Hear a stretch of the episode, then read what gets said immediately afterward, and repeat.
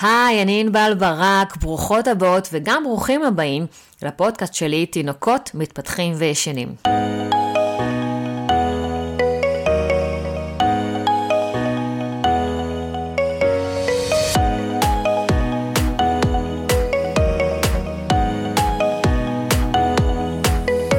תורת המנשאים זו באמת תורה, כי בשוק יש באמת המון מנשאים, סוגים שונים, בדים שונים, את זה לובשים ככה, את זה אחרת, נורא מבלבל.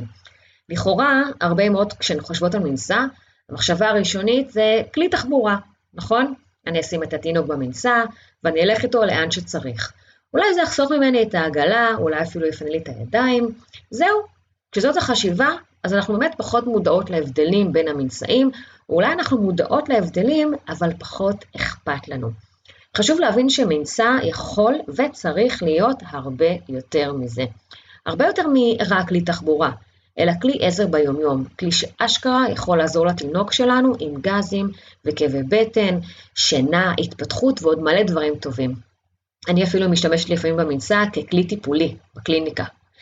אממה, לא כל המנשאים עושים את זה.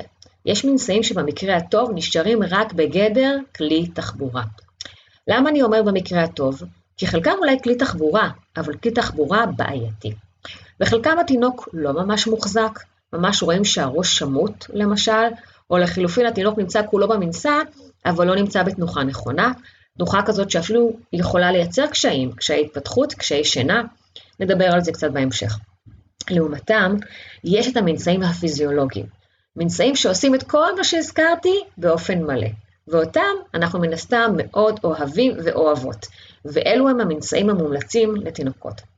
מנשא פיזיולוגי הוא מנשא שכשמו כן הוא תומך בפיזיולוגיה, משרת את התינוק במעט האחוזים. גם תומך בו פיזית, ממש, בכל חלקי הגוף באופן מלא, גם תומך בנו, ממש. בגב העליון, בגב התחתון, תמיכה מלאה בגב כדי שנוכל לשאת את השלושה, ארבעה, חמישה, עשרה קילו האלו. וכמובן, מאפשר לתינוק להגיע לתנוחה הנכונה והאיכותית ביותר. מאפשר לכל המערכות הפנימיות שלו לפעול באופן איכותי, ועל הדרך גם יוצר חוויית bonding מופלאה לנו ולתינוק, וכל אלו מסייעים לתינוק בעצם בכל סיטואציות החיים שלו. אני מיד אסביר בהרחבה מה בדיוק קורה שם ואיך זה קורה בזכות המנשא, אבל לפני זה, בואו נבין איך אפשר להבדיל בין מנשא פיזיולוגי למנסה לא פיזיולוגי. אז מנסים פיזיולוגיים מאופיינים בשלושה עקרונות. הראשון, המנסה מאפשר מנח של כפיפה לאורך כל עמוד השדרה, מהאגן ועד הראש. השני, הפיסוק ברגליים ברוחב האגן. והשלישי, החזקה של הראש עד החוליה האחרונה בעמוד השדרה, במידה והוא ער, או אפשרות לכיסוי ותמיכה של הראש על ידי מה שאני קוראת לו קפוצ'ון, במידה והוא מרפה ונרדם. חשוב להבין, מנסה שאינו מאפשר את שלושת העקרונות האלו, אינו מנסה פיזיולוגי. אז ברור לנו שאנחנו רוצות מנסה פיזיולוגי, נכון? הבנו את זה. ופה אני אוסיף עיקרון אה, רביעי שנשמע obvious לכולנו, אבל וואלה, כשאני מסתובבת ברחוב או בקניון, אני רואה לי שלפעמים הוא קצת מתפספס לחלק מההורים. ואני מדברת על תמיכה מלאה גם בתינוק וגם בנו. כן, תאמינו או לא, ישנם ממצאים מאוד פופולריים שלא מייצרים תמיכה מלאה. למרות מה שכתוב על האריזה שלהם, את יכולה לקנות את הממצא בהתלהבות, אחרי שקראת את כל הסופרלטיבים על האריזה שלו, אחרי שראית סטורי של איזושהי אושייה שממליצה לך ממש עליו, וואלה, את שמה את הממצא ולא נוח לך. או אין תמיכה מספקת בגב העליון שלך, או אין תמיכה בגב התחתון, או הגוף של התינוק שמוט, או שהוא בכלל לא צורח, כמו שלי קרה אי שם בשנת 2007, כשאני קניתי מנסה כזה, כי עליו כולם דיברו, ניסיתי ללבוש אותו, ומור צרחה בטירוף, בכל ניסיון שעשיתי. תוסיפי לזה שאותו מנסה הוא גם כנראה לא פיזיולוגי, נכון? אז מה עשינו בזה? רוצה לדעת אילו סוגי מנסאים מבין המנסאים בשוק הם כן פיזיולוגיים? אז קודם כל, כמובן שמנסאי הבד. מנסה הבד הוא המנסה היחיד שמקיים את כל שלושת העקרונות שעליהם דיברתי, הוא מאפשר לגב להתעגל ולייצר מנח כפוף, הוא מייצר פיסוק רחב בין הרגליים, ומאפשר תמיכה לראש במידת הצורך. אבל, אם אנחנו רוצות להיות מדויקות, לצערי יש מנשאי בד שלא בהכרח מקיימים את העיקרון הרביעי, ולא תומכים בגוף שלנו במידה מספקת. מנשא הבד היחיד שעושה את זה, ולכן הוא גם המומלץ ביותר, מנשא בד ארוך. אולי יצא לך לשמוע על סוגים שונים של מנשאי בד שמנסים לחסוך את כל הקשירות שמנשא הבד הארוך מצריך, אבל חשוב שתדעי שבאותם מנשאים ישנם חסרונות שונים, כמו למשל אה, שתי שכבות שתומכות בתינוק במקום שלוש שכבות, בד אלסטי מדי או קשה מדי, חוסר תמיכה בגב התחתון שלנו. מתוך ניסיון של אלפי אמהות, אני ממש ממליצה, אל תפחדו מהקשירות. בואו, אני בטוחה שכבר עשיתן כבר דבר אחד או שניים קצת יותר מסובכים בחיים שלכם, אוקיי? הוצאתן רישיון נהיגה, עשיתן תואר, למדתן להפעיל מכונת כביסה, אתם תסתדרו עם שלושה איקסים. גם אני פעם מזמן ממש נבהלתי מהקשירה, אבל אחרי שניים שלושה תרגולים מול מראה, הבנתי שזה שטויות. היום המודעות למנשאי בד ארוך היא מאוד גבוהה, בטח אצל מי שמגיע אליי לסדנאות. ועדיין, אין לכם מושג כמה אמהות הגיעו אליי ואמרו לי, ענבל, אין מצב שאני מסתדרת עם זה. ואחרי שהראיתי להן תוך שתי דקות איך קושרים ומכניסים את התינוק, הן נשבו בקסמיו של המנשא, לא של התינוק. תינוק כבר נשבו לפני. חזרו הביתה, התנסו בעצמן כמה פעמים והתמכרו. ממש. יש לי מאוד בסדנאות שתוך סדנה אחת גם הכרתי להן את מנשא הבד וגם הייתי צריכה לגמול אותן ממנו. כי מה קרה? לא רק שהן הסתדרו איתו טכנית, אלא הן פתאום גילו את נפלאותיו. הן השתמשו בו כשלתינוק היה התקף גזים, כשהוא התקשה להירדם, כשהוא בכה והן לא הצליחו להרגיע אותו בידיים. הן הבינו על בשרן למה המון אמהות ואבות קוראים למנסה הזה אביזר קסם. מנסה מציל חיים. אז בואי נבין איך זה יכול להיות, איך זה קורה, כל הדברים הטובים האלו. קודם כל, אני אגיד שהתנוחות המומלצות במנסה בד הן או ערסול או בטן אל בטן. אצל חלק מהאימהות יש נטייה לחשוב שמנסה בד זה בהכרח רק ערסול. אז לא רק שזה לא נכון, אלא אני אומרת את ההפך. תקשיבו טוב ויש מצב שגם תופתעו. טכנית, ההכנסה לערסול במנסה בד היא יותר מסובכת עבור רוב האימהות. לעומתה, ההכנסה למנח בטן אל בטן היא מאוד פשוטה. זה פשוט באמצע, מכניסים לתוך ה-X וזהו. מה גם שהנסיעה של התינוק יותר מאוזנת. מהסיבה הזאת אני תמיד אומרת, רוצה לנסות להכניס את התינוק שלך לערסול? סבבה, תנסי. אבל אם לא הצלחת, תעברי לבטן אל בטן. שם בטוח תצליחי. לחילופין, ההכנסה בערסול מלחיצה אותך? אז אל תנסי אפילו. תעזרי בסרטוני ההדרכה שלי בערוץ היוטיוב, אני אשים פה קישורים לשלושה סרטונים, סרטון אחד שבו אני מדגימה איך קושרים באופן נכון, סרטון שני איך מכניסים בערסול, וסרטון שלישי איך מכניסים במנח בטן אל בטן. אז תסתכלי על הסרטונים האלו, תעמדי מול מראה כשהתינוק רגוע, לא להכניס תינוק למנסה בד בפעם הראשונה כשהוא צורח וכשעכשיו יש לו התקף גזים, ממש לא, ותראי איך תצליחי. היו אצלי הרבה אמהות שאשכרה נטשו את מנסה הבד אחרי שלא הצליחו להכניס את התינוק בהרסול, כי חשבו שזה המנה היחיד. ואז כשהן הגיעו אליי, הן פתאום גילו שההכנסה מבטן אל בטן לא רק שהיא אפשרית, אלא היא גם ממש פשוטה. באמת חשוב לי להגיד שכל הקסמים שמנסה הבד מחולל, ואני עכשיו הולכת לפרוט בפניכם, קורים באותו אופן גם בבטן אל בטן. אז יאללה, קסמים. אה, נתחיל בבכי. התחושה שנוצרת בתוך מנסה הבד היא כמו ברחם. התינוק עטוף ומוחזק מכל הכיוונים, חווה אותנו, את התנועה ואת הכל, מלון עשרה כוכבים. שלא יירגע? ברור שיירגע. מה גם שלפעמים אין לנו כבר כוח לתת מענה לבכי על הידיים. בטח כשאני תמיד מסבירה שתינוק מרגיש כשהמצע שעליו הוא נשען הוא לא יציב ונושם, ומה לעשות שלפעמים אני באמת, לפעמים, הרבה לפעמים, אני עייפה, גם פיזית וגם נפשית. אז ברגע שאני קושרת את המנסה וקושרת אותו טוב, זהו, המנסה מחזיק אותו. אולי נוסיף תנועה ומגע, אבל זה באמת מקל מאוד על הסיטואציה. נעבור לגזים. אז ברגע שכל הגוף מוחזק על ידי המנסה, התינוק יכול להרפות. קודם כל הוא מרפה שרירית, פיזית, וברגע שהוא מרפה שרירית, גם המערכות הפנימיות מרפות. לצורך העניין, אפילו שהנשימה נעשית בצורה יותר טובה כשהתינוק נמצא בתוך מנסה בד. אבל אם במערכת העיכול עסקינן, אז אחת הסיבות לגזים, כאבי בטן ועצירויות, היא באמת מערכת מכווצת. מערכת שלא באמת יכולה לתפקד. וברגע שאפשרנו להרפות, היא פשוט תתפקד בצורה יותר טובה. אם משהו תקוע שם, היא תשחרר אותו. אם זה בזמן התקף גזים או כאב בטן או כמובן עצירות. קקי שתקוע כמה שעות או כמה ימים. ויותר מזה, קבלי שוס. תינוק שניסה באופן קבוע במנסה בד, כלומר לפחות פעם ביום, לכאורה סתם ככה, תוך כדי הקניות בסופר או בדרך לגן של האח הגדול, הוא תינוק שמערכת העיכול שלו תהיה רפויה ומתפקדת יותר יחסית לעצמו, ולכן הוא יסבול פחות מגזים, כאבי בטן ועצירויות, מאשר היה סובל לולא היה חווה את מנסה הבד. כלומר, זה ממש כלי מונע. אני מכירה תינוקות, אחת מהן היא גיל שלי, שהמנסה גרם להם לא לסבול בכלל מקשיים במערכת העיכול, ואני מכירה הרבה כאלו שהמנסה הפחית להם את הקשיים בצורה משמעותית. בואו נעבור להתפתחות.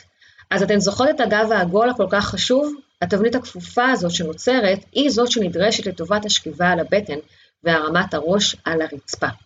לא ניכנס עכשיו להסברים ביומכניים, אבל אני כן אגיד לכם שיש לא מעט תינוקות שמתאפיינים בתבנית גופנית זקופה. בגלל מנח ברחם, בגלל אופי לידה, בגלל שכבה מרובה על הגב ועוד כל מיני סיבות. אבל כאשר מניחים תינוק כזה על משטח, לרוב יהיה לו מאוד מאוד מאוד קשה לשכב על הבטן ולייצר הרמה והנחה של הראש לסירוגין. עם תינוקות כאלו, וזה 50% מהתינוקות, כן? זה לא משהו נדיר, אנחנו עובדים הרבה על כפיפה. ואחת הדרכים המצוינות והקלות לעבוד על זה היא באמצעות מנסה בד. עכשיו, זה נכון לכל התינוקות, פשוט להם זה חשוב על אחת כמה וכמה. והגענו לקסם שלא כנראה הכי חיכיתן, שינה. התינוק יכול לישון מעולה במנסה בד. מה זה מעולה? הם דופקים שם שינה של שעות.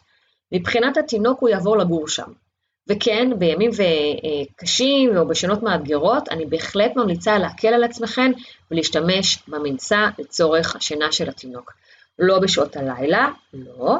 שם יש כמה וכמה סיבות ללמה לא, אבל כן, בהחלט במהלך היום. אבל רגע, רוצות שוס נוסף? מנסה הבד לא רק מאפשר לישון בו בצורה מופלאה, אלא הוא מייצר יכולות שינה. איך? כשהתינוק חווה אותו בערות. כשהתינוק שוהה במנסה, כשהוא ער, אה, ככה תוך כדי באמת הקניות בסופר, או הליכה לגן, או סתם טיול ברחוב, הוא כאמור חווה הרפאיה פיזית שרירית, אבל במקביל מתרחשת גם הרפאיה מנטלית. בשלב מסוים הוא יניח עלינו את הראש, לא יירדם, אלא רק ינוח. העיניים שלו יעברו למצב של ציפה. הוא יבהה באיזושהי נקודה בחלל, במצב הזה הוא בעצם חווה את תדרי הביניים, את אותם תדרים שנמצאים בין תדרי הערות לתדרי השינה. הוא לא ישן, אבל הוא גם לא ערני לגמרי. הוא באמצע. ככל שתינוק חווה ביומיום שלו יותר רגעים כאלו מתוך ערות כמובן, כך הוא יכיר יותר את, התדרים האלו, ידע איך להגיע אליהם ומתי הוא ישתמש בהם בפועל? נכון, כשיגיע זמנו לישון. וכך בעצם משתכללות יכולות שינה ונבנה הבסיס להירדמות עצמאית. אני לא אכנס עכשיו לאיך מייצרים הירדמות עצמאית, כי זה נושא בפני עצמו, אבל אני כן אדגיש שאי אפשר לצפות מתינוק להירדם עצמאית אם לא נתנו לו את הכלים לכך. וההגעה לאותם תדרים מתוך ערות היא הכלי המרכזי בדרך להירדמות עצמאית, בדרך ליכולת הזאת בכלל, ואליה ניתן להגיע בין השאר באמצעות מנסה הבד. דרך אגב, כשהתינוק מגיע לרגעי הציפה במנסה, הוא יכול להמשיך משם ולהירדם, או לחלופין, להניח עלינו את הראש, לצוף, ואז שוב להגיע למצב עוררות וחוזר חלילה. מעולה. מתוך כל אלו אנחנו גם מבינות שבעצם מנסה הבד הוא לא רק כלי לכיבוי שרפות, לבכי או להתקף גזים או לשינה שלא מצליחה, אלא הוא גם כלי למניעה והתפתחות. ולכן נשתמש בו גם במאני טיים, באותם רגעי קיצון ו- וקשיים, אבל גם בשימוש יומיומי כאות תחנה ביומיום של התינוק, שיש לה ערך משמעותי ביותר כפי שהבנו. אני ממש מגדירה את הנסיעה במנסה כתרגיל, תרגיל להרפאיה פיזית ומנטלית, תרגיל למערכת העיכול, תרגיל לשכלול יכולות השינה. ברגע שתסתכלו על זה ככה, אז יהיה לכם הרבה יותר קל לייצר לפחות פעם ביום נסיעה במנסה בד, כמו כל תרגיל אחר שאתן עושות לפחות פעם ביום. ואפרופו תרגיל, ישנם תינוקות שלכאורה ממש לא אוהבים, במרכאות, את המנסה, את מנסה הבד. כלומר, זו ההגדרה של האימהות שלהם. אמא באה ואומרת לי, אה, ניסיתי, הוא לא אוהב את המנסה הזה. אז ככה, אם את מכניסה את התינוק למנסה הבד והוא בוכה, אז קודם כל תוודאי שקשרת את המנסה בצורה טובה והדוקה מספיק. כאמור, תעזרי בסרטונים שלי מערוץ היוטיוב כדי להבין איך עושים את זה נכון. דבר שני, יכול להיות שהבד ממנו המנסה שלך עשוי הוא בד פחות טוב. או שהוא כבר בלוי, או מלכתחילה הוא בד שלא מתאים לשימוש במנסה בד, כמנסה בד. לצערי יש לא מעט אה, כאלו היום בשוק. שימי לב, הם גם בדרך כלל עולים יותר. מחיר של מנסה בד סטנדרטי נע בין 140 ל-200 שקלים, לא יותר, שימי לב לזה. נגיד וקשרת את המנסה כן טוב, והמנסה שלך מעולה, בד, חבל על הזמן, והתינוק עדיין בוכה.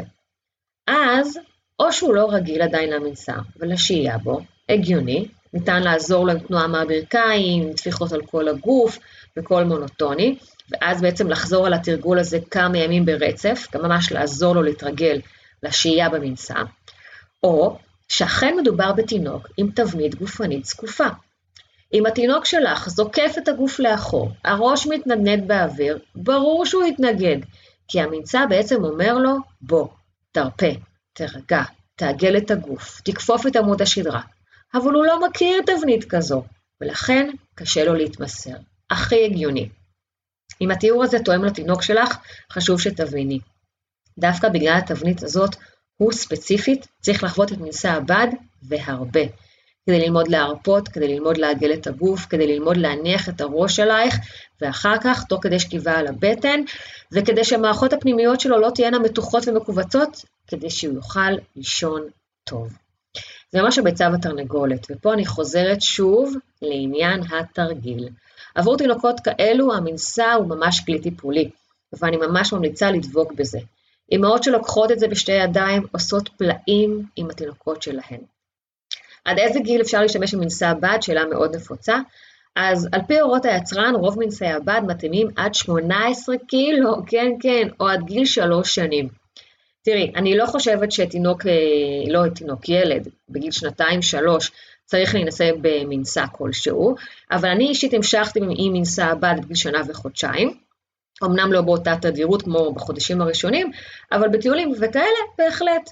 אה, רק מנסה בד, היה לי מנסה איכותי וטוב, שגם גיל שנה פלוס תמך בי ובתינוק או בתינוקת שהיו לי, ולא הייתה לי שום סיבה להשתמש במנסה אחר. אחרי זה כבר לא השתמשתי פשוט באיזשהו מנסה. אבל אם בא לכן אה, לעבור לממצא אחר, אז מגיל חצי שנה אפשר לעבור לממצאי ילקוט. אלו הם אה, מנשאים פיזיולוגיים, אבל עם כפתורים ואבזמים וכאלה. הם עדיין מקיימים את ארבעת העקרונות גם בגילאים האלו. אני ממליצה על המנשא של Cybex. היתרון המרכזי שלו הוא שהבד שעוטף את התינוק הוא לא בד אה, רגיל, הוא עדיין בד אלסטי, ממש כמו מנשאי בד, כך שהתינוק יכול ליהנות מהאיכות של הבד האלסטי גם בגילאים הגדולים יותר. מנשא ילקוט נוסף שמומלץ הוא Ergo מדגם Original.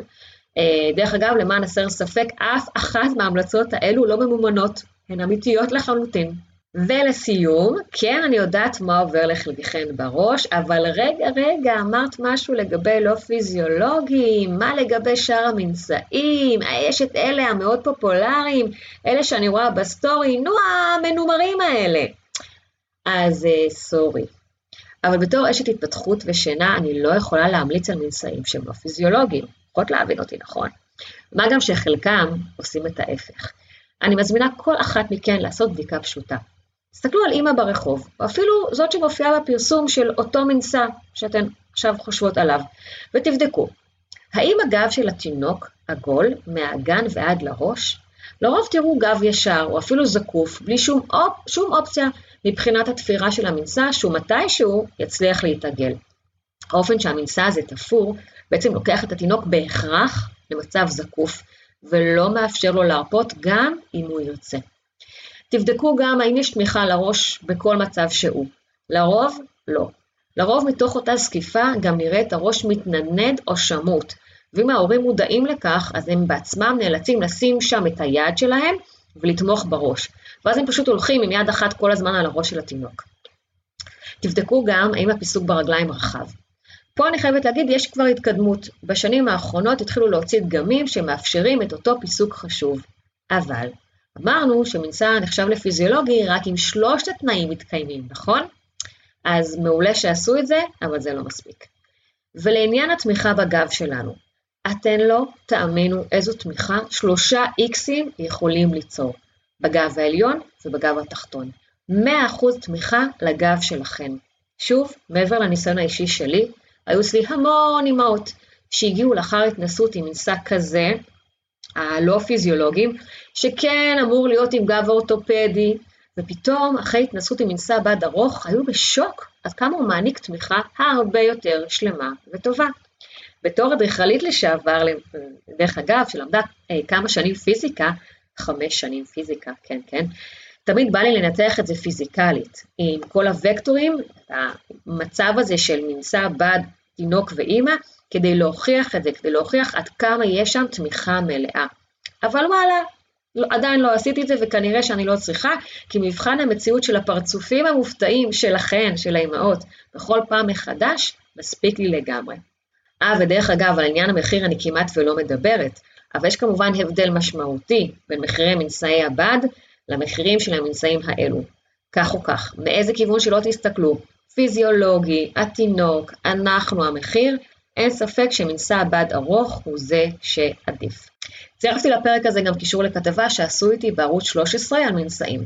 בכתבה הביאו חמישה סוגי מנשאים, מנשא הבד ארוך, מנשאי ילקוט אה, ומנשאים, אה, מה שנקרא קשיחים, לא פיזיולוגיים. ביקשו ממני לחוות את דעתי המקצועית על כל אחד מהם. במקביל הביאו גם אימא ואבא, כל אחד עם התינוק שלה ושלו, כדי לבחון בעצמם, יחד עם התינוקות שלהם, את המנשאים השונים, ולהגיד איך המנשא, איך כל מנשא מרגיש להם.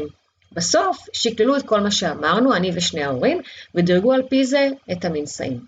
המנשא שזכה במקום הראשון היה מנשא בד ארוך, במקרה הזה זה היה של חברת אמיתוש, אחלה מנשא. אחריו מנשא ילקוט של חברת Cybex, חשוב להגיד שהם היו תינוקות בני חצי שנה ו-11 חודשים, יחסית גדולים, ודווקא המנשא הפופולרי הזה שאמרנו מה story וכולי, הגיע למקום האחרון. מוזמנות לצפות, זה מאוד מעניין. בכל פעם שאני מעבירה תהליך עם מנשאי בד בסדנאות שלי, אני אומרת לאימהות בשיא הרצינות שאני מקנאה בהן. באמת, אני חולה על התחושה הזאת של תינוק שנמצא עליי במנשא.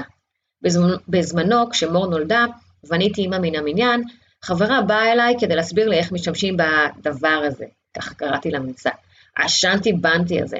הייתי מלאת התנגדויות. מה, איך אני אקשור, איך אני יודעת כמה להדק, אני מסתדרת רק עם כפתורים, מה אני אעשה עם זה בכלל בחוץ, זה ככה יצטרך לי על המדרכה. אבל כשקשרתי את המנסה, הכנסתי את מור והתמסרה, כל ההתנגדויות נעלמו, ולו רק בגלל מה שחוויתי. התחושה שלה עליי, כאילו שוב היא בתוכי, קנתה אותי. ואז, דרך אגב, עוד לא ידעתי עד כמה זה יכול לעזור לנו ברגעי הבכי, להתקפי הגזים שהיא חוותה, לשינה שלה, להתפתחות שלה. אני פשוט נהניתי מזה, ולכן השתמשתי בזה שוב ושוב מדי יום. אם יש לך תינוק, את חייבת לעצמך את החוויה הזאת, ועצם העובדה שהיא גם מביאה איתה כל כך הרבה דברים טובים עבור התינוק שלך בכלל, עושה אותה למופלאה. את מוזמנת לשתף גם את הפרק הזה עם חברות, לשתף בסטורי וכמובן לתייג אותי. אם את רוצה להבין, ללמוד עם ויחד התינוק שלך הלכה למעשה על התפתחות איכותית, שינה טובה וכל שאר ההיבטים שנוגעים ליומיום שלו ושלך, בואי לסדנאות. הפרונטליות במרכז שלי בכפר סבא או הדיגיטליות. מספר הטלפון של המרכז מופיע בפרטי הפודקאסט עצמו, התקשרי או שלחי הודעה והצוות שלי ישמח לעזור לך. בנוסף, אם את עדיין לא עושה את זה, תעקבי אחריי באינסטגרם, ענבל ברק בייבי, בפייסבוק ענבל ברק, בקבוצת הפייסבוק שלי, תינוקות מתפתחים וישנים, ובערוץ היוטיוב שלי, יש שם המון מידע. שיהיה בהצלחה גדולה, נתראה בפרק הבא.